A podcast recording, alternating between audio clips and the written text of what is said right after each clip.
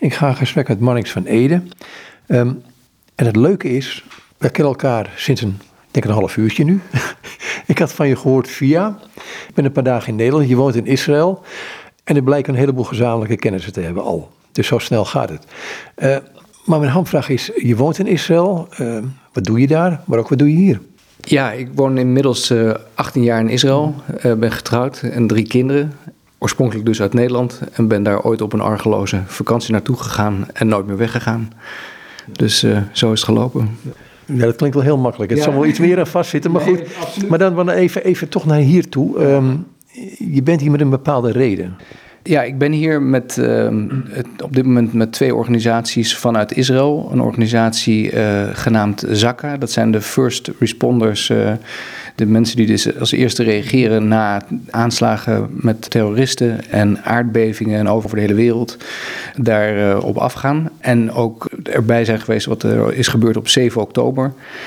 En wat uh, nu al wordt ontkend uh, in grote delen van de wereld. Dus die uh, vertegenwoordiger heb ik hier naartoe gebracht. En iemand van FIRM, dat is de Messiaanse organisatie die andere Messiaanse organisaties in Israël helpt. En daardoor daar aandacht voor in, binnen de christelijke wereld voor vraagt. En zijn die organisaties alleen met, met hun eigen lotgenoten bezig, de Joden, de Messiaans beleidende Joden? Of, of gaat het breder? Nee, het gaat uh, breder. Ze helpen ook Arabieren in Israël. Uh, sinds de oorlog bijvoorbeeld is uitgebroken, hebben ze alle families die uh, moesten vluchten vanuit het noorden en vanuit het zuiden, hebben ze onderdak geboden, hotels voor hen geboekt, maar ook legereenheden geholpen met kogelvrije vesten en uitrusting en geholpen met maaltijden, et cetera. Dus ze hebben heel veel vanaf de oorlog gedaan. Je, je woont er al bijna twintig jaar, denk ik, hè, straks. Ja. Dan heb je een behoorlijk wat raketten over je heen zien komen. Uh, zeker. Met name toen de, de, deze oorlog begon, uh, toen waren er aardig wat, uh, wat luchtalarmen die zijn afgegaan. En op de ochtend van de 7 oktober ehm, hoorden we ook zelfs de explosies, wat, wat vrij uniek is in Jeruzalem. Ook in mijn begintijd, toen ik net in Israël aankwam, hielp ik bij een organisatie die terreuroverlevenden hielp, met name in het zuiden, in een plaats Sederot, wat naast de Gazastrook ligt. En ben daar ook uh, heel vaak uh, geweest. En op dat moment was er nog geen uh, Iron Dome. Dus toen was het echt een paar seconden dat mensen in hun schuilkelder, als ze die al hadden, konden rennen. En nou ja, er waren heel wat terreurslachtoffers te vinden. En daar ben ik vaak, vaak geweest. Toch de plaats van eh, Ben Gurion, dacht ik? Is het erop? Uh, nou, niet verder vandaan. Ja, van Ben Gurion is ietsjes verder weg. Uh, maar uh, niet, niet al te verder vandaan. Klopt. Wat is nou de reden? Ik ga nog even naar die organisatie toe, die, die um, want 7 oktober. Um, het werd hier pas, ik dacht 70 dagen na dato, um, omdat het in de New York Times erover uh, berichtte dat het werkelijk gebeurd was, kwam de NOS hier ook mee met een wat uitgebreider verslag. Wat is dit toch? Dat mensen dus dit, wat Israël doet, uh, wat ik bedoel, waren twee of drie dagen in de oorlog en toen viel er een, een, een raket bij het ziekenhuis. En meteen was het, ja, dat heeft Israël gedaan. Terwijl elk nuchter denkend mens weet dat het niet zo is. Nee, het is eigenlijk heel bizar wat er zich op dit moment plaatsvindt. En dat is ook de reden waarom ik deze meneer van, van Zakka hier naartoe breng. Omdat die feiten die op, op 7 oktober zijn gebeurd, nu al worden ontkend. En terwijl Hamas zelf met camera's op hun lichamen uh, alles hebben gefilmd en direct hebben opgeladen, hoe zeg je dat? En op de social media van de slachtoffers zelf hebben geplaatst en, en naar hun eigen families hebben gestuurd. Dus eh, het valt gewoon niet te ontkennen. Maar dan zeg je, ja, dat, dat heeft, uh, Hamas heeft het zelf gefilmd. Ja, dan zeggen ze, Hamas kun je niet vertrouwen. Dus het is niet te geloven hoe gewoon dingen worden verdraaid en gedraaid. En wordt gewoon nu al ontkend. En Israël is tijden bezig geweest met, met uh, alle doden van wat er nog wat over was. Uh, om, om ze te vinden en te tellen en te doen en te, uit te vinden wie, wie het was. En op hetzelfde moment, of een paar dagen later, viel inderdaad die raket op het ziekenhuis uh, in Gaza. En binnen één minuut was het wereldnieuws. En uh, werd er gezegd dat, uh, dat Israël dat hoogstwaarschijnlijk heeft gedaan. En, en met een bijzinnetje, ja, Israël ontkent het dat het van hun afkomt. En en Israël had nou ja, een paar uur de tijd ervoor nodig om daadwerkelijk het bewijsmateriaal aan te leveren dat het niet van hen kwam. Maar de, de schade was al gedaan en iedereen was al op de straat over de hele wereld. Het is te, te bizar en, en onherstelbaar. En, en, en wat er nu van bekend is van de raket is dat hij absoluut van een islamitische organisatie was, op een parkeerplaats terecht was gekomen, niet eens op het ziekenhuis. En dat er helemaal niet zoveel doden als er toen werd geroepen in de duizenden, geloof ik dat er iets van 50 uh, zijn omgekomen, maar door hen zelf en niks met Israël te maken had. Uh, dus ja, uh, maar dat imago of die schade is dan al geleden. En, en van eigenlijk vanaf dat moment leek het wel of direct de hele wereld uh, zich tegen Israël begon te, te, te, keren. En alles wat er nadien ook al uitkwam van bewijs naar aanleiding van de 7 oktober, had niemand meer oren naar. Ja, ik zat op uh, tweede kerstdag naar Stephen Fry te luisteren, uit, uh, in een uitzending vanuit Engeland. En die zei het volgende, die, die, hij zei door wat er gebeurde, er zijn 40 incidenten nog steeds per dag in, in Londen tegen Joden, Joodse organisatie. Incidenten. Maar goed, hij zegt, ik werd me ene bewust van het feit dat ik een Jood ben. Ja. En ik vond, het, ik vond het chockerend om dat te horen, want ik heb het eerder gelezen uit de dertiger jaren. Ja. Nee, het, het is echt letterlijk uh, een herhaling van, van, van de dertig jaren. En, en uh, dat, dat Joden zich over de hele wereld niet meer veilig voelen. Uh, ik heb vrienden, Joodse vrienden in in Melbourne uh, die uh, op vrijdagavond naar hun synagoge gingen en eruit kwamen. En er stond een uh, hele groep moslims hen op te wachten. En, en ja, dit gebeurt over de hele wereld. Zweden hetzelfde. En, en nu nog sterker nog, onlangs een explosief wat bij de ambassade naar, naar binnen was gegooid of over het hek gegooid. En het is nu echt uit de hand aan het lopen. En het is het maar een klein groepje wat daar woont, een klein landje. Uh, we zaten net te praten en ik, ik zei toen voor de, over de grap, een grap kun je er eigenlijk niet over maken, maar zet het hele Joodse bevolking op Groenland neer of midden in de Sahara. Ik denk dat het gedonder daar ook begint. Tja, dat is de grote vraag. Waarom is de hele wereld geobsedeerd door, door dit kleine landje als je, als je niet gelooft? En je vraagt aan iemand, waarom, wat interesseert het iemand wat uh, één Jood fout doet in Israël? En, en toch is het wereldnieuws uh, als, er, als er iets fout gaat. Ja, dat is gewoon te, bizar. Ik bedoel, um, op hetzelfde moment of niet zo lang geleden vielen er honderdduizenden doden in Syrië en waarvan ook tienduizenden Palestijnen niemand die de, die de straat op is gegaan en niemand die voor, voor het lijden van de Palestijnen uh, al daar uh, ook de straat op gaat. Dus het, het, het, het, is heel dubbel allemaal. En, en er gebeuren de meeste erge dingen in Afrika. Ook daar, niemand gaat, gaat de, de straat op. Dus. Het is bizar. Um, even naar het begin terug. je bent hier in Nederland opgegroeid. Ja. Um, waarom ben je op een gegeven moment naar Israël gegaan? Je hebt er net iets van gezegd, maar wat uitgebreider. Want het was toen één zinnetje net. Ja, ik ben uh, opgegroeid in een christelijk gezin in Nederland. Volgde altijd mijn ouders in hun uh, gang naar de kerk. Maar ik had zelf geen levende relatie met God. Ik geloofde wel altijd. Ik, ik, ik wist het, uh, ja, het zat heel diep. Maar ja, ik, ik vond het heel droog en saai en alles. En, en ik dacht, dit, dit kan het toch niet zijn. En in het jaar voordat ik naar Israël toe ging, merkte ik dat God echt aan mijn uh, jasje aan het trekken was van wanneer ga je eens een keertje een echte beslissing voor mij nemen. Hij deed dat door diverse dingen gedurende dat, dat jaar. Bijvoorbeeld, ik, ik werd gevraagd als, als doopgetuige van een, een zoon van een uh, neef van mij.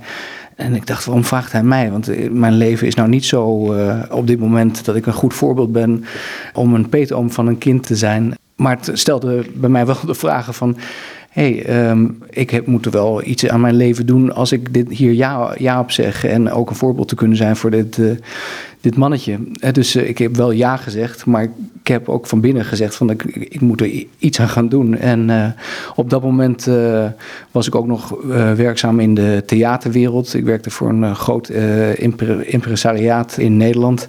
En stond iedere week op de rode loper met bekende Nederlanders op een gegeven moment uh, had ik ook zoiets, uh, stond ik daar weer met uh, de bekende mensen en ik dacht, is dit het nou? Is dit nou wat ik met mijn talenten kan doen? Kan ik nou niet iets meer daarmee dan, dan alleen dit? Nou ja, zo waren er allemaal diverse dingen waarbij ik had, zo had van, ja, volgens mij moet ik, eh, kan ik meer doen dan alleen dit. En ik wilde gewoon ja, weten wat geloof voor mij zelf betekende. Dus ik dacht, misschien moet ik naar Israël toe gaan. Misschien kan ik daar meer over God uitvinden. Zo ben ik dan inderdaad naar, naar Israël toe gegaan. Uh, ja, dat, uh, daar is een, uh, van alles gebeurd. Ik weet niet of... Ja, maar, maar je ging naar Israël toe. Ja. Een vakantiereisje of, of een kibbutz? Of, of wat waren de redenen? Want... Ja. Nee, echt, echt als doel was voor mij om, om God te, te zoeken. Toen ik in Israël aankwam, ik verbleef in een, in een klooster. Iemand had mij dat aangeraden, dat je daar goedkoop kon verblijven. Ik ben uh, Jeruzalem ingegaan en zag daar ook mensen met, uh, met kruisen over, op, op, hun schouder door de straten lopen, over de Via de La Rosa. En ik dacht bij mezelf, is dit het nou waar iedereen het over heeft met Israël? En... Maar daar zou ik ook de kriebels van krijgen. Precies. ik dacht, nou, ik, ik weet nog dat ik, dat ik op een gegeven moment naar mijn ouders belde en zei van, nou ja, wat is dit? Iedereen heeft het maar over Israël, is dit het nou? En ik was echt op zoek naar God en ik vroeg aan mensen, hoe kan ik nou dichter bij God komen. En, en mensen zeiden, ja, moet je je Bijbel lezen? Dus uh, ik ben in die kloostertuin gaan zitten met uh, de Bijbel op mijn schoot. En in de hete zon heb ik zitten lezen, maar niks gebeurde er. En ik, ik werd er een beetje gek van eigenlijk ook. maar op een gegeven moment um, heb ik een auto gehuurd en ben ik naar het noorden toe gereden. Richting het meer van Galilea. En aan de ene kant van het meer van Galilea nam ik op een gegeven moment foto's nog met uh, mijn voet in het water en een beetje sarcastische uh, opmerking naar mijn vrienden toegestuurd bij die foto van zie je, ik kan niet op het water lopen. En toen ben ik verder gereden en naar de andere kant van het meer van Galilea en uh, er was een prachtige zonsondergang. Ik dacht misschien is dit een mooi moment om hier tegen God te praten. Dus ik heb mijn auto aan de kant gezet, ben op een muurtje gaan zitten. En ik heb gezegd tegen God, hier ben ik ik ben er klaar mee op mijn eigen manier te doen. Zeg maar wat ik moet doen. En ik hoorde letterlijk een stem tegen mij zeggen: Als je mij volgt, zal ik je leiden. Een hele linker opmerking dat, hè? Zeg maar wat ik moet doen. Want ik, ik, denk dat, kijk, Paulus zei hetzelfde. Hè? Wat, wat, ik merk dat vaak, um, je kunt allerlei voornemens hebben, maar dit simpele.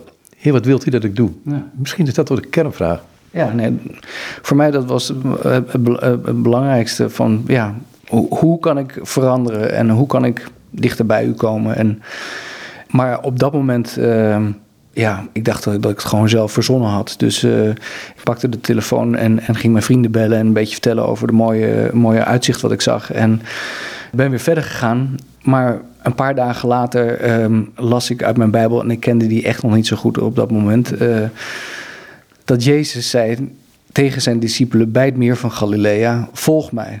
En toen dacht ik, wauw. Ik, ik kan dit toch niet blijven ontkennen. Ik, ik kon gewoon niet meer slapen daarna ook. En ik, ik, ik heb ook toen gezegd: Hier, hier ben ik. Ik maak mijn talenten beschikbaar die u mij heeft gegeven. Ja, ik maak mij beschikbaar. En ik, ja, ik kon die nacht niet meer slapen. Ik was helemaal. En ja, als hij mij nu roept, en, uh, dan, dan wil ik het ook zien. En ik, ik dacht nog aan de EO, die al die programma's had van uh, God verandert mensen. En ik zei ook letterlijk zo van, nou, laat maar zien hoe u mij kan gaan veranderen. Maar hier, hier ben ik, gebruik mij maar. Ja. Nou ja, en in de, dagen daarna maakte hij echt aan mij duidelijk dat het met Israël te maken had. En um, voorheen was de Bijbel altijd als droge tekst voor mij, maar ineens begon het tot mij te, spreken. Ik, ik had het nog nooit ervaren.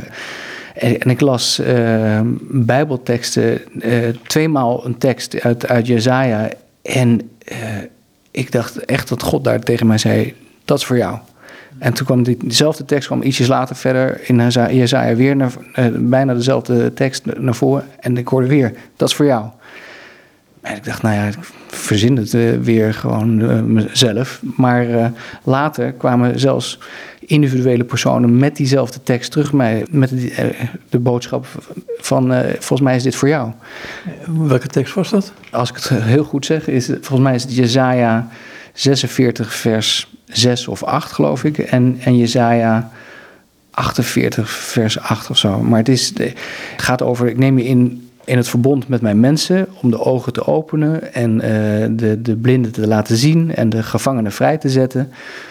Nou ja, dat was hem. En de dagen daarna had ik uh, ook. Ik ben, ben, toen op een gegeven moment uh, ben ik gaan helpen bij een organisatie, een Joodse orthodoxe organisatie, die heette Hineni, wat in het Hebreeuws betekent hier ben ik. Ik ben daar gaan helpen en uh, zij verwelkomde mij als, als christen. Ik zei: Ik ben hier om te dienen. Ik heb verder geen agenda, maar ik wil gewoon helpen. En, en dat heb ik gedaan. En maar op een gegeven moment dacht ik, ja, ik moet toch wel weer terug naar Nederland en kijken of misschien ik daar iets in de christelijke wereld kan gaan betekenen. En ik ben teruggegaan, maar de deuren gingen niet open in, Nederland. Uh, ik heb bij allerlei christelijke organisaties aangeklopt en, en, gevraagd of ik wat dingen kon doen voor hen, maar niks gebeurde er. Op een gegeven moment heb ik de hulp ingeroepen van een zogenaamde coach die een beetje kan helpen met het ja, begeleiden van zoeken naar een baan die ochtend was ik nog aan het bidden naar God van...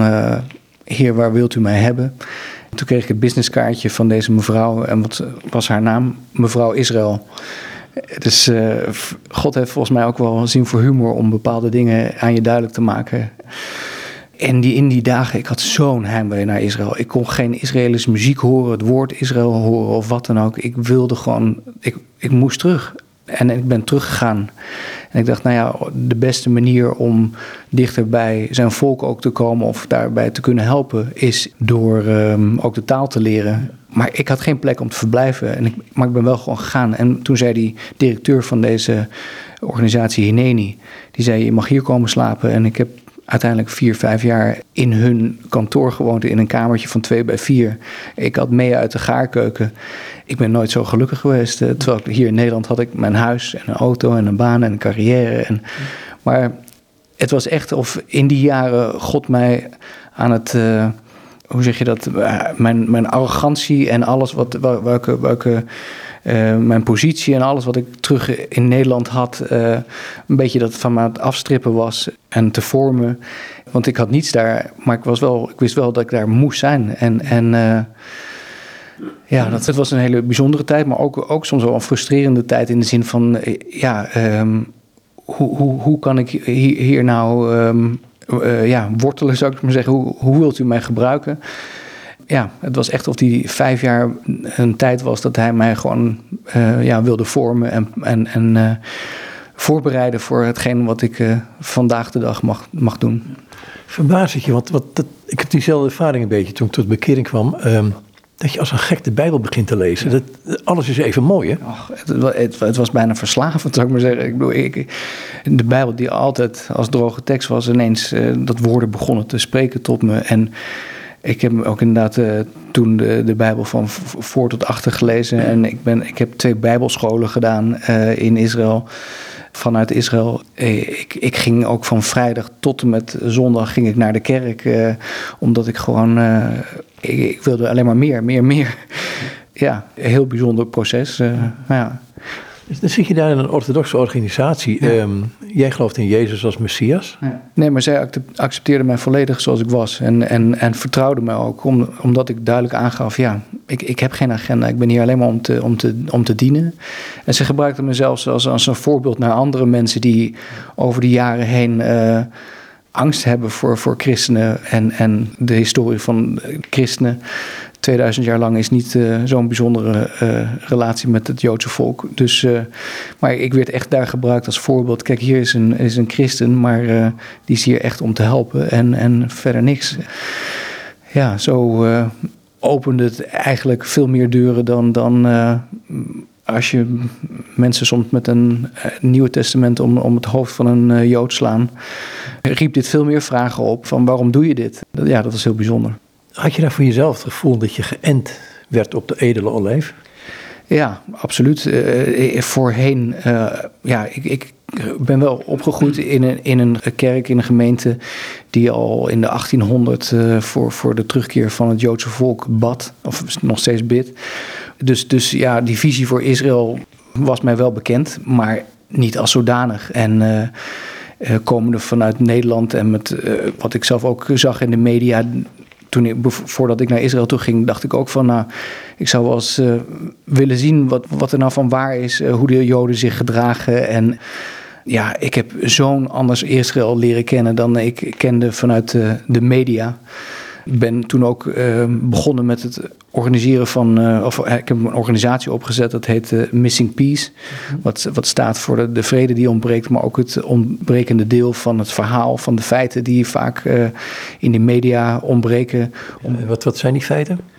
Dus onderdelen van, van het nieuws die in, in Nederland even makkelijk, uh, makkelijk gezegd niet worden vermeld. Waardoor het een totaal ander plaatje geeft dan wat er zich heeft plaatsgevonden. Met letterlijk bewijsmateriaal aantonen wat er dus daadwerkelijk heeft uh, plaatsgevonden. Ja, dat ben ik een aantal jaren mee bezig geweest. En had dat uh, zeer de behoefte om, om ja, mensen anders Israël te laten zien.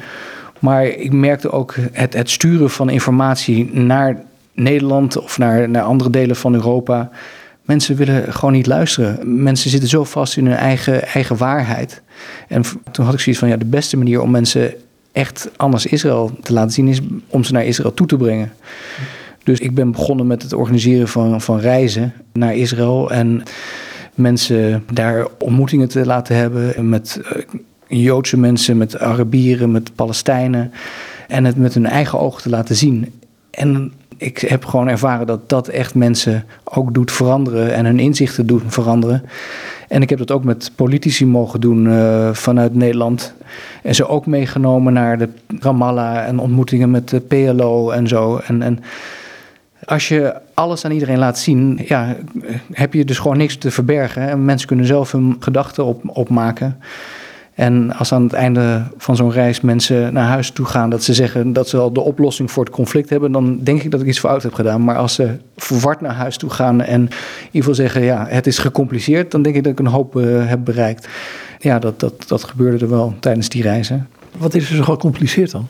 Het uh, gecompliceerde is dat, uh, ja, er is niet. Ehm, er gaat zoveel mee gepaard. Er, is zo'n historie aan vooraf gegaan. En er zijn zoveel delen vanuit het geschiedenis die, die mensen van buitenaf niet, uh, niet kennen en, en toch hun mening erop loslaten.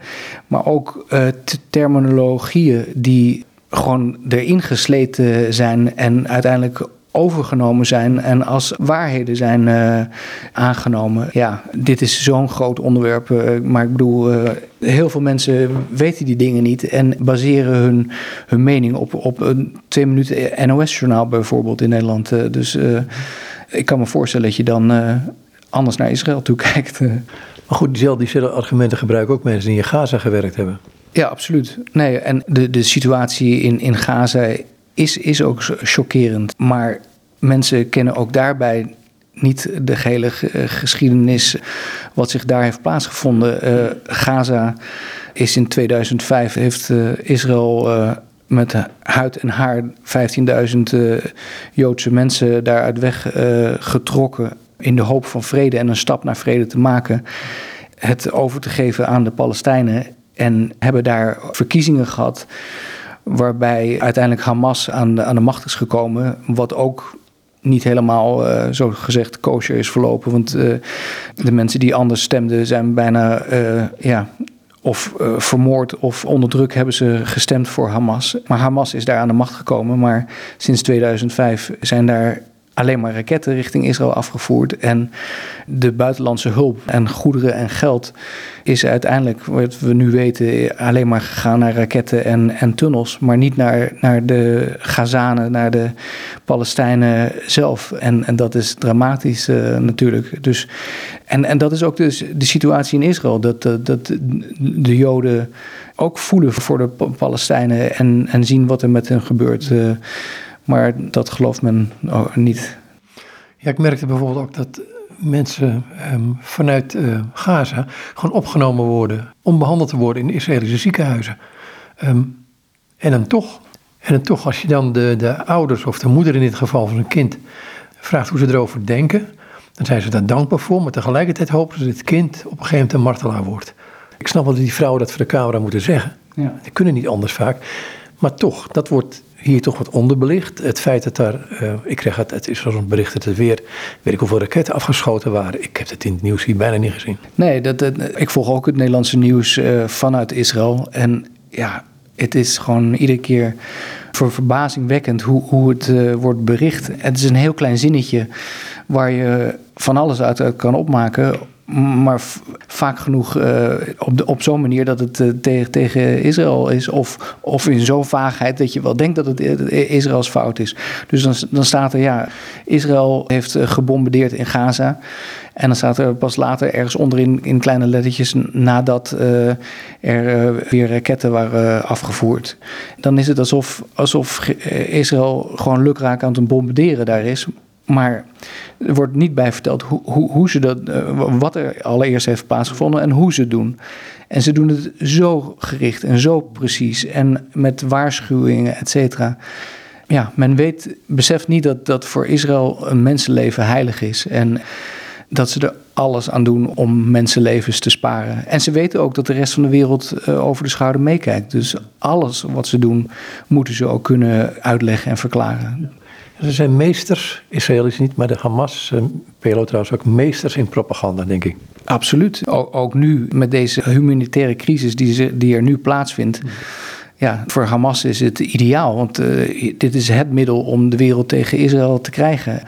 Maar het is te triest hoe de Palestijnse bevolking al daar wordt letterlijk misbruikt in, in deze crisis. Um, en als, als uh, human shields en kinderen en vrouwen worden ingezet om, om wapens over te brengen, et cetera. En men weet dat, dat een Israël nooit daarop zal schieten of. of uh, ja, dus het, het is zo'n, terug naar de vraag, zo'n gecompliceerde ook deze oorlog is zo'n gecompliceerde oorlog dat het is moeilijk om, om dat überhaupt allemaal uit te leggen. Met mensen praten helpt soms wel. Absoluut, ja. Maar zelfs de mensen die dus naast de Gazastrook wonen, in die uh, kibbutzim, er waren heel veel mensen die Palestijnen hadden die bij hun werkten op het land, et cetera. Maar ook uh, die hen hielpen om ze naar ziekenhuizen te brengen in Israël. En allerlei uh, ja, vredesinitiatieven hadden ze. En uiteindelijk blijken die door de, bij wijze van spreken, door dezelfde mensen te zijn uh, vermoord. Want heel veel kennis van die kibbutzim, waar, waar de wapens lagen en, en hoe, hoe die kibbutzim, ja, hoe ze eruit zagen, et cetera. Om, uh, en dat ging om die veiligheidskamers, hè? Wat, wat, die, die ze, ja. ja, ze wisten precies waar alles was. Dus, dus uh, ja, dat kon niet anders dan door mensen zijn overgegeven die daar ook geweest zijn. Ja, dat is nu heel triest ook om dat uh, uit te vinden. Dat, dat, mensen die dus zo in, die, in die gevrede geloofden en hoopten. Dat uh, die zelf het slachtoffer ervan zijn geworden. En dat is ook triest voor de toekomst. Om, omdat, ja, wat staat ons nog te wachten van, van, uh, van, van hoop op vrede op die manier? Als ik Hamas goed begrijp, willen ze nog meer van deze 7 oktobers. En als ik een, man, een handvest lees, dan denk ik, ja, dat ziet er niet goed uit voor de Joden, om het maar heel voorzichtig te zeggen.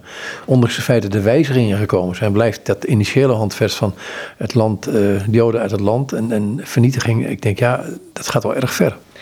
Ja, en, en dat is de, ook de grote, grote zorg niet alleen in Gaza, maar ook in, op, in Judea en Samaria, wat de, de Westbank wordt genoemd. Ja, daar eh, hebben ze ook onderzoeken gedaan eh, en gevraagd aan mensen 7 eh, oktober wat daar gebeurd is, of ze daarachter staan. Grote delen zeggen allemaal dat, dat, dat, dat ze daar dat ze erachter staan en ook achter Hamas staan. En ja, dat, dat biedt grote zorg aan voor. We hebben nu Gaza, maar wat, wat, wat vindt er plaats in de, in de Westbank? en wat staat ons nog te wachten? Ik eh, zag recent nog eh, dat, dat ze diverse mensen hadden geïnterviewd in, in Judea en Samaria op de Westbank. Met de vraag van, uh, geloof je in een in, uh, twee-staten-oplossing? Zou je, zou je blij zijn met het feit als, als je nu een staat zou krijgen? Dus als Westbank en Gaza Palestina zou zijn. In eerste instantie zeggen ze ja, maar ze zeggen ook meteen erachteraan... Maar hoe zit het met, met het gedeelte van waar, waar, waar, de, waar de Joden wonen? Nee, dat, dat willen we er ook bij hebben. Uh, dus uh, voor hun is dat nog steeds, en dat is ook in hun over de jaren zo geleerd, is dat al wat Israël is, behoort hun toe. En daar rekenen ze ook nog op. Dus voor hun is Gaza en, en Westbank is, is, is het niet. Ze zijn er niet klaar mee. Zij geloven niet in, een, in die twee staten. Nee, het is, het is moslimgebied geweest in hun ogen, dus het moet altijd moslimgebied blijven. Ik denk dat dat de gedachte is ook. Um, maar ik ga naar jou terug. Um, je bent die organisatie begonnen, een reisorganisatie om mensen naar Israël te krijgen, om ze te confronteren met. Wat heeft die tijd in Israël met jou zelf gedaan, met je geloofsleven? Want je begon heel enthousiast. Ja. Ben je dat nog steeds? Ik ben uh, nog steeds heel enthousiast. Maar ik ben, ik, ik ben ook stiller geworden, moet ik eerlijk zeggen. Ik, ik ben nog in het begin, kon ik het wel van de daken schreeuwen. En, en ook uh, ten opzichte van niet-gelovige vrienden ja, alles wilde delen. En ik ben bang, als ik nu terugkijk, ook dat ik heel wat mensen heb afgeschikt in, in mijn enthousiasme. Eh, en, en als ik daar nu aan terugdenk, denk ja, schaam ik me bijna een beetje. Ik denk van ja, ja, ik denk dat ik ook mensen daarmee heb afgestoten en, en, en te ver ben gegaan. Maar ik, was zo vol ervan en, en wilde zo graag dat andere mensen vergelijkbare ervaring zouden hebben. En, en dat is nog steeds in mijn hart dat ik die passie heb, dat ik ja, graag mensen dichter bij God uh, wil brengen. En dat is ook dus mijn passie waarom ik mensen naar Israël wil toebrengen. Omdat, omdat ik het dus daar keer op keer zie gebeuren. Dat als mensen naar Israël komen, dat ze ja, een bijzondere ervaring met God hebben. En uh, dat um, gebeurt op de meest aparte momenten. Je kan het niet regisseren. Maar dat het gebeurt is, is één ding wat zeker is. Uh, ja, dus dat is heel bijzonder. Stel jij je de vragen wel eens van een 48, de staat ontstaan weer, Israël. Het duurt wel lang allemaal. Nou ja, eh, eh, ik vind het bijzonder dat, dat wij in deze tijd leven. Dat je, dat je zoveel dingen die er beschreven aan staan in de Bijbel en, en ook in de profeten staan, die bij wijze van spreken letterlijk voor je ogen ziet gebeuren. Terwijl er mensen zijn van generaties voor ons, dat die er alleen maar de, de hoop van hadden, hoop op hadden. Wij leven in die tijd dat, dat we bij wijze van spreken allemaal zien gebeuren. Maar voor mijn gevoel gaat het nu al heel, heel snel wat er allemaal gebeurt in deze tijd met uh, de oorlog uh, vanuit Rusland en uh, met Noord-Korea en Israël en omliggende landen met Iran, et cetera. Er is zoveel gaande. Ik, ik heb voor mezelf het gevoel dat God echt haast aan het maken is op een of andere manier. Ja. Voel je je bedreigd om daar te wonen? Nee, ik, ik voel me eigenlijk heel veilig daar. ik, ik, ik zou me wellicht zelfs uh, onveilig voelen hier, uh, hier in Nederland of uh, elders in de wereld. Vanuit mijn geloof heb ik echt het gevoel dat Gods hand over Israël is en dat hij dat ook altijd zal, zal beschermen. Dus ik, ik voel me heel veilig in Israël. Inmiddels heb je een gezin? Ja, ja, ik heb uh, een vrouw en drie kinderen. Ik ben pas op uh, late leeftijd uh, getrouwd. Um, heb mijn vrouw in Israël ontmoet. Zij is, was weduwe, is weduwe. Haar eerste man is, is uh, overleden. Zij had met hem twee kinderen. Eén, uh, toen hij overleed was er eentje twee en uh, de jongste was drie maanden. Nou ja, het heeft haar zeven jaar gekost of geduurd voordat ze haar hart weer had, had opengesteld voor een nieuwe man. Ze heeft daarvoor ook een brief van bijna 16 pagina's aan God geschreven om, om haar nieuwe man te omschrijven. Ze zegt ook dat aan ieder, ieder woord uh, ik, ik uh, te voldoen. Ik heb het nooit gelezen, want mijn vrouw is oorspronkelijk uit Polen. En uh, ik, lees geen, ik kan geen Pools lezen. Maar ze zegt dat ieder woord is vervuld. Maar goed, wij hebben elkaar inderdaad dan ontmoet. En toen werd ik dus de vader van twee kinderen. op dat moment negen en zeven. En inmiddels zijn zij 17 en 15. En we hebben ook nog een kleintje erbij gekregen. Die, zij is nu 6,5 ja, zijn dus een, een, een samengesteld gezin, maar uh, ja, uh, heel bijzonder. Die kinderen jou meteen kunnen accepteren, gezien de leeftijd? Um, de zoon die, die uh, omhelst mij letterlijk, maar de dochter bijna tot en met vandaag de dag houdt mij nog enigszins op afstand. Um, terwijl zij haar vader um, niet of nauwelijks echt heeft gekend, maar ja, een andere man in haar leven is, is voor haar alsof ze een soort verraad heeft naar haar eigen vader. Mm. Ja, zoals ik al zei, de zoon die, die zegt uh, regelmatig tegen mij hoe, hoeveel hij van me houdt. Hij geeft een big hug en uh, dat is allemaal heel speciaal. En de dochter die houdt me nog op afstand. Uh, maar ik, ik, hoop dat als ze op een gegeven moment getrouwd is, kan zeggen... nou, die Marnis heeft het niet zo slecht gedaan. Mm. dan, dan, dan heb ik uh, voor mijn gevoel uh, ja, bereikt wat ik uh, kon doen. Maar ja. ja. Het kan zijn dat je je daardoor afgewezen voelt natuurlijk. Ja, het is best, best pijnlijk. Ik bedoel, maar ik denk dat het net zo pijnlijk is voor haar. Ik, ik, ik ervaar dat zij eh, volgens mij wel hunkert naar liefde, maar het, het, het niet mag accepteren van zichzelf. Dus ehm, ik hoop dat die uh, muur ooit een keertje zal doorbroken worden. Ik, ik zou graag die liefde aan haar willen overbrengen, overgeven. En, en ik hoop dat er een moment komt dat zij het ook uh, kan accepteren. Ja. Zijn je kinderen nou Israëli's? Ja, ja zijn, zijn, we zijn nu allemaal Israëli's. Um, mijn vrouw heeft um, citizenship, hoe zeg je dat, burgerschap gekregen door haar echtgenoot um, die um, Israëlisch was. En, en ik weer door, door mijn vrouw. Dus uh, ja, en... Dan moeten je kinderen straks dus het leger in.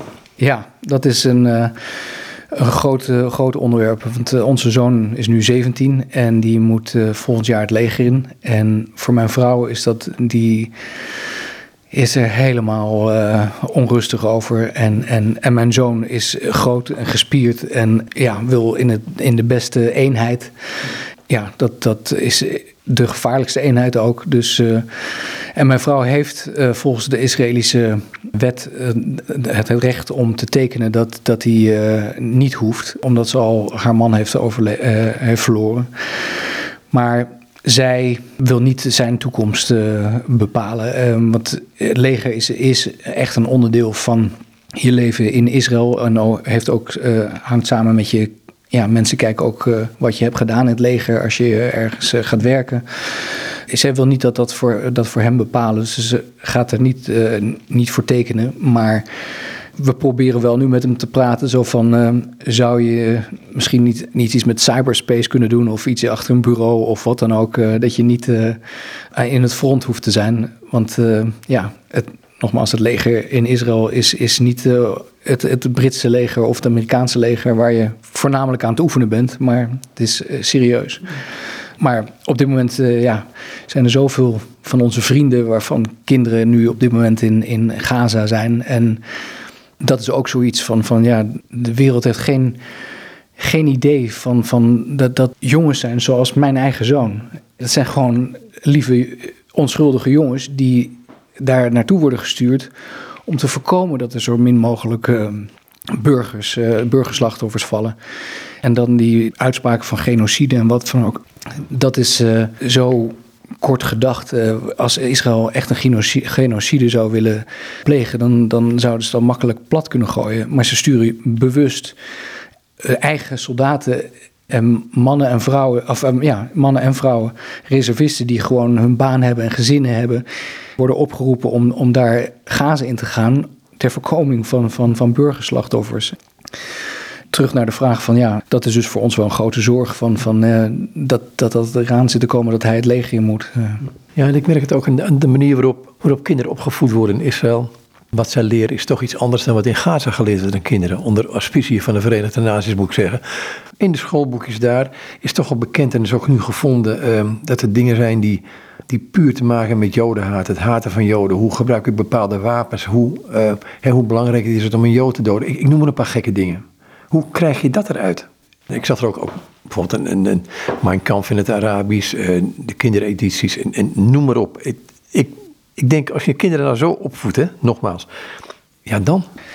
Dat is de grote zorg. Hoe, hoe, hoe krijg je dit, dit eruit als er zoveel generaties op deze manier zijn, zijn opgegroeid en opgevoed?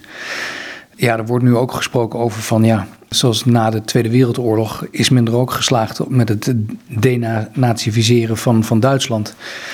Dus dat zou hier ook mogelijk uh, moeten zijn. Uh, maar het start absoluut met onderwijs. Uh, en ook economische hulp en, en, en toekomst, dat is heel belangrijk. ja. ja, dan heb je de Verenigde Naties niet echt mee. Nee, um, het begon natuurlijk met de UNRWA, die is opgezet. En, en uiteindelijk uh, uh, ja, het geld uh, nooit bij de mensen is terechtgekomen. En die, die voor deze curriculum ook hebben gezorgd in die scholen. Dus ja, dat, is, dat, is, dat heeft niet toe bijgedragen. Nee. Je bent hier in Nederland nu om. Um met wat vertegenwoordigers. wat hoop je te bereiken hier? Want je zei al eerder, zei van ja, ik, ik probeer dus grande vrienden toe, allerlei dingen uh, zeggen van hoe het hier werkelijk was, maar het landde niet. Dus ik heb mensen daarheen gevraagd. Dan kom je toch met mensen hier naartoe. Um, en dan?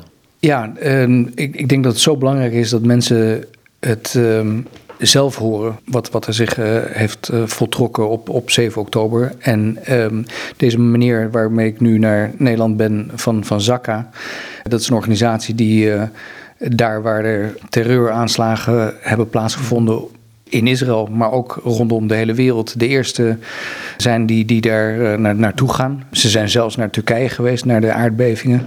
Nou, Turkije is niet een van de grootste vrienden meer van, van Israël, maar ze helpen daar wel. En deze meneer um, was een van de eerste responders uh, op, op 7 oktober en die heeft het letterlijk allemaal gezien. Hij heeft ook eigen uh, materiaal op zijn telefoon staan van wat hij daar allemaal gezien heeft. Ja, dat zijn allemaal feiten die helaas op dit moment allemaal in, in twijfel worden getrokken en ontkend. En er wordt, wordt, wordt gezegd van, uh, ja, dit is, dit is niet waar, dit, hebben jullie zelf verzonnen. En, en uh, ja, er is zelfs van, van Hamas zelfs uh, materiaal uh, gevonden. Ze hebben het zelfs letterlijk gefilmd. En op, opgeladen op het uh, internet en naar, naar familie van de, van de slachtoffers gestuurd op, op de plek zelf. Maar dan zegt men, uh, ja, maar dat is van Hamas.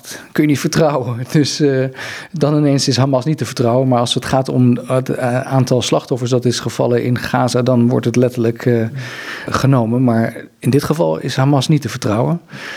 als het om dit materiaal gaat.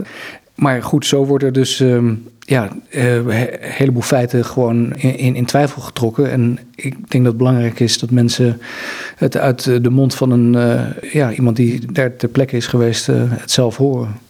Nou, toen, toen die uh, theatervoorstelling geweest, met, of die, die filmvoorstelling, waarin gemonteerd materiaal heeft me laten zien. En de meeste mensen waren ja, totaal van de wereld toen ze het zagen. Ja, ik heb het zelf niet gezien. Ik, heb zelf uh, gedurende deze weken heb ik genoeg gezien en, en, en kan me er genoeg bij voorstellen ook. Uh, maar het, het, is echt, ja, iedereen zegt het, uh, het, het is te bizar of te, te ja, niet, niet voor te stellen wat, wat daar zich heeft plaatsgevonden. Ja, ik denk juist de mensen die, die dat nu nog durven te ontkennen, dat die het juist moeten, moeten zien. Het is, het is niet te geloven. Hey, je wordt 7 oktober wakker, je, je bent nu even in Nederland. Um, is de situatie in Israël sindsdien veranderd in de samenleving, ik bedoel onderling? Want, want er was een bepaalde, uh, toch, toch een soort tweedracht in het land. Ja, de, nou er was voor 7 oktober behoorlijk veel onrust in het land. Men was uh, veel aan het protesteren tegen de, tegen de huidige regering. Um, ze waren, wilden de het juridische systeem eh, veranderen. En daar was men overal tegen aan het uh, protesteren. Ja, na 7 oktober, dan, dan komt iedereen in een hele andere, andere mode, zou, ik maar zeggen. Uh, en en iedereen heeft ook bewust gekozen om op dat moment gewoon achter de regering te staan, achter de leiding te staan. En er is ook een oorlogskabinet opgezet, die ook bestaat uit de oppositie.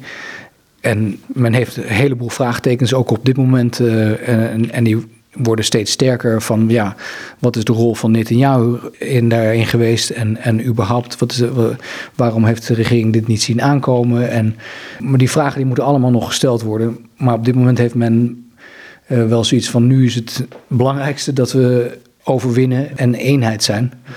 Maar uh, ja, het, het, begint al een beetje te, te borrelen in, onder de bevolking. En, en dat heeft ook te maken met uh, de gijzelaars die nog steeds in, vastzitten. 136 uit mijn hoofd gezegd. Ja, daar wordt ook uh, natuurlijk gevraagd aan de regering dat, dat men daar het uiterste in doet om hen vrij te krijgen. Maar ja, wat, betekent, wat is het uiterste? Dat, dat betekent ook uh, uh, gevangenen vrijlaten van, vanuit Palestijnse... meesten zijn allemaal gewoon het zijn terroristen die, die ze hebben gearresteerd, geen lievertjes. Die dan vrijgelaten worden en vervolgens over een paar jaar weer terugkomen. Dus, uh, en dan ook nog een keer een ceasefire, een, een staakt het vuren... wat kan betekenen dat ze zich weer gaan hergroeperen en dat het over een tijdje weer plaatsvindt. Dus uh, dat zijn allemaal hele grote kwesties. Dat, uh, dat, dat iedereen een mening natuurlijk over heeft. Dus, dus dat, dat, dat creëert weer uh, verdeeldheid in de samenleving. Maar goed, er is ook het aspect dat, dat gegijzelden die vrijgelaten worden, zeker vrouwen, ook tijdens de gijzeling verkracht werden. Ja, er komt steeds meer, meer uit.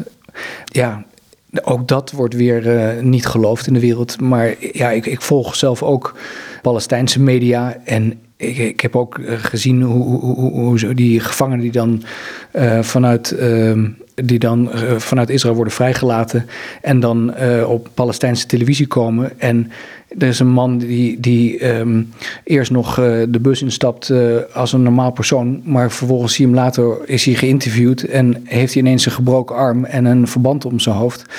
En vertelt hij hoe hij mishandeld is in de Palestijnse gevangenissen.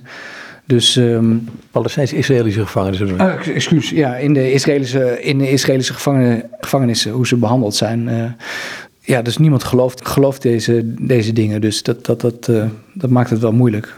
ik ben het overigens zelf ook eens met een politieke delegatie in, in een Israëlische gevangenis geweest met, met Palestijnen, van, voor, voor, voor Palestijnen heb die gevangenissen mogen zien. En ja, je zou kunnen zeggen van ja, dat hebben ze van tevoren geregisseerd. Maar ze zeiden bewust tegen ons, zeg maar welke, welke cel je wil openmaken. Dat we het niet uh, hebben opgezet van tevoren. En, en we mochten gewoon zelf zo'n cel kiezen. En, nou ja, en die cel ziet er gewoon uit als een, als een hostel met uh, bedden en een televisie. En ze mogen zelfs opleidingen doen en, en het komt niet over als, als, een, als wat ja, de Palestijnen doen geloven. Maar ja, ik weet, ik weet natuurlijk ook niet alle details. Uh. Maar goed, um, nog even naar, naar die vraag die ik stelde. Um, in de samenleving waar jij woont, um, merk je dat daar tussen christenen, joden, moslims, is daar roering onder? Of is, is daar een redelijke consensus? Wij hebben net ons huis uh, in Israël verbouwd, net na, na uh, twee jaar geleden. En hebben heel veel Palestijnse en Arabische werknemers die bij ons geholpen hebben. En, en bij ons over de vloer komen. En ja, zij hebben net zoveel te lijden onder deze situatie als, als uh, ook aan de Israëlische kant.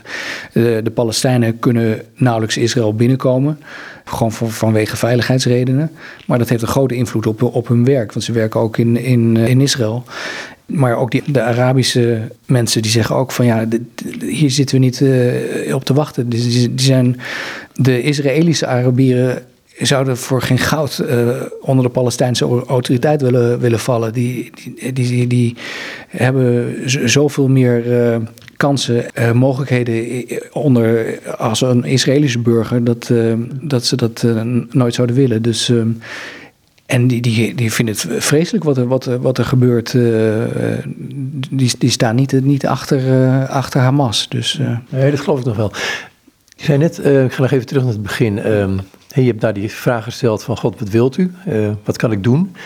Is het nou een beetje uitgekomen met jou? Je zegt er is een verstilling gekomen. Ja. Kun je wat, wat meer omschrijven? Ja, die verstilling is gekomen eigenlijk meer door het feit dat um, ik moeite heb met de uitspraak van ja, ik ken de waarheid. Ik heb twee bijbelscholen gedaan en ik, ik heb gigantisch veel geleerd en gestudeerd. Hoe meer ik, ik leer, des te minder ik denk, denk het allemaal te kunnen weten. En, uh, en daarom is, is, is mijn motto van nou ja, zo dicht mogelijk bij God te blijven en, en te werken aan mijn relatie en, en dagelijks met Hem te wandelen. Maar ik, ik, zou niet durven zeggen dat ik uh, de waarheid denk te kennen.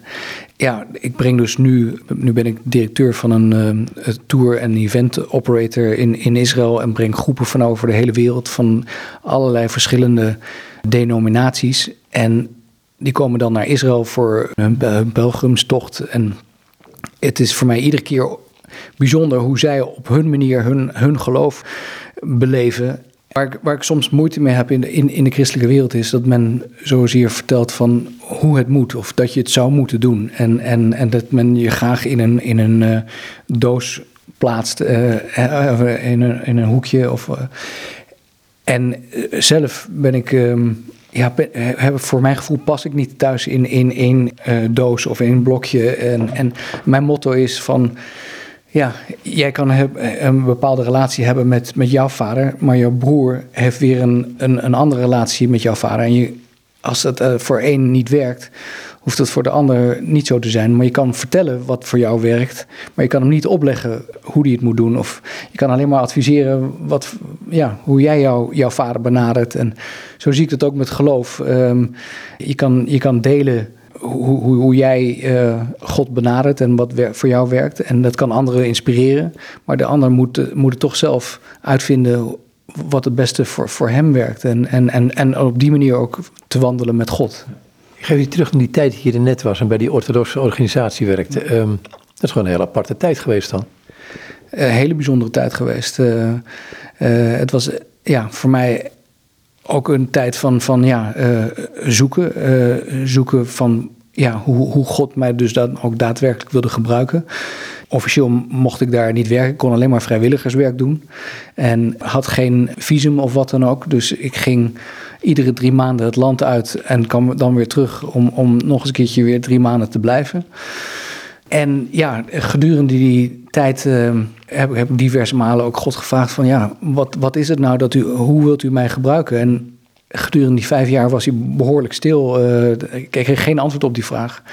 Maar het, het, was wel alsof ik die tijd gewoon echt letterlijk werd, werd klaargestoomd voor hetgene wat ik uh, nu mag doen. Uh, door Israël gewoon echt van binnenuit mee te maken. Verschillende ontmoetingen met diverse verschillende mensen. En, en dat heeft alleen maar kunnen bijdragen om nu ook andere mensen de gelegenheid te kunnen geven om vergelijkbare ervaringen in Israël te hebben. En dat is mijn passie en mijn missie om mensen dichter bij God in, in zijn land te brengen. Is het nou zijn volk wat daar zit? In mijn ogen absoluut. Ja, ja. Het is uh, zijn uh, eerstgeboren zoon. Ja, voor mij is het zo duidelijk hoe God uh, met hen, hen te werk gaat en hoe zij ook ehm, dicht bij God staan en er alles aan doen om God te dienen. Het is een andere benadering waarbij wij uh, als christenen het geloof benaderen. Maar zij, voor hen is het dat, dat uh, ze er alles moeten aan, aan doen om, om ja, de wereld te verbeteren. En dat is hun taak op, op deze aarde. En dat, dat is waar ze, zich ook op, op richten. En, en, maar je ziet over het algemeen hoe God ook het Joodse volk gebruikt. Uh, hoe het over de hele wereld tot zegen is van, van de wereld. Uh, de meeste Nobelprijzen is, gaan naar Joden toe. En, en de meeste innovaties die er van, over de wereld zijn, zijn, zijn Israëlische uitvindingen waar men allemaal gebruik van maakte. Dus je ziet het ook nog een keertje letterlijk wat, wat een zegen het, het, volk is. En, en ook op het gebied van, van medicatie en medische uitvindingen en technologieën is het echt een zegen tot de rest van de wereld. Die Messias de Joden, dan ga je een stap verder alweer. Zijn dat de eerstelingen? Ik denk dat er een lijn tot hen zit, maar ik durf daar niet als zodanig uh, een uitspraak over te doen hoe, hoe dat precies zit. Uh, nee. Ja, maar je komt ze daar wel tegen, want je gaat ook naar hun gemeente toe. Ja, ik ben, zoals ik al zei, in, in, in het begin uh, naar diverse gemeentes uh, toegegaan. Daarvan ook uh, een heleboel Messiaanse gemeenten.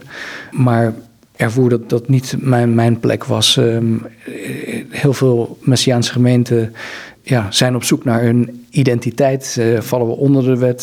zijn we christelijk? Zijn we joods? Moeten we uh, een kippa dragen of, of niet? Uh, nou ja, al die zoektochten, daar, daar wilde ik geen onderdeel van zijn. Uh, is niet mijn identiteit. En uiteindelijk ben ik naar een, een Engelse gemeente gegaan met gewoon een, liturgie, et cetera. Nu vandaag de dag ja, doen we bijeenkomsten zo nu en dan bij mij thuis. En, en heb ik niet een vaste gemeente waar ik, waar ik nu toe behoor. Het is, het, is, toch apart. Ik heb het hier in Nederland ook eens gehoord. Hè? Het is, je kunt als Jood de Messias accepteren, ben je Messias beleidende Jood. Maar die Jood zijn is, is het groot probleem dan. Twee kunt Jood zijn en christen zijn, dat lijkt me, tenminste Jezus ook een Jood. Ja, dat, dat is het, uh, het moeilijke dilemma in Israël. Dat uh, men nog steeds zo'n angst heeft voor alles wat met, met Jezus te maken heeft, eh, of christelijk is.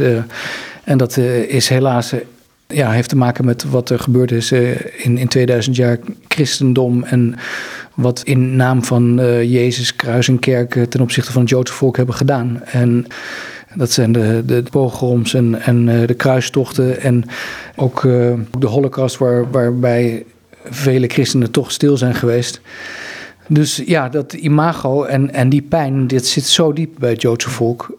Maar nu ik zie wel dat nu men een eigen staat heeft en, en bij elkaar is, men langzaam wel hun harten openstelt voor op zijn minst dit contact met, met, met christenen. En zien ook dat dat ja, toch hun, hun, uh, hun enige broeders zijn als zodanig in deze wereld die, die nog uh, enigszins uh, naast hun staan. Dus in, in Israël zelf vindt er wel steeds meer dialoog plaats. En men stelt zich veel meer open. Maar ehm, ja, het, het is gewoon dat, dat Joden ook um, Jezus uh, niet, niet als zodanig uh, erkennen, herkennen als, als een van hen. En, en dat komt omdat hij gewoon een totaal verwestelijk imago heeft uh, gekregen. Bijna hetzelfde verhaal als, als Jozef met zijn broers. Die zo als er een Egyptenaar eruit zag en niet eens meer door zijn eigen broers werd herkend. En zo verwacht ik ook dat uh, als, als, als Jezus uh, komt, dat hij uh, zich aan zijn broers bekend zal maken en zij in tranen zullen zien dat ze hem niet hebben herkend en hen hebben, hebben aangedaan als zodanig. Maar dat, ehm, ja, dat, dat dat moment zal komen. Ik, ik krijg toch nog één klein dingetje, dan sluit ik het af. Um, we hadden het net over, hij komt tot geloof, levend geloof, hoe je het ook noemen wilt. En ik ben dan een gek de Bijbel gaan lezen. En waar je door aangesproken wordt, ik kan je die stuk uit mijn Bijbel ook laten zien. Ik heb Jesaja bijna alles onderstreept. Ja. Het is wel heel erg Joods allemaal. Dus we hebben eigenlijk heel veel aan hen te danken, ja. wat dit betreft.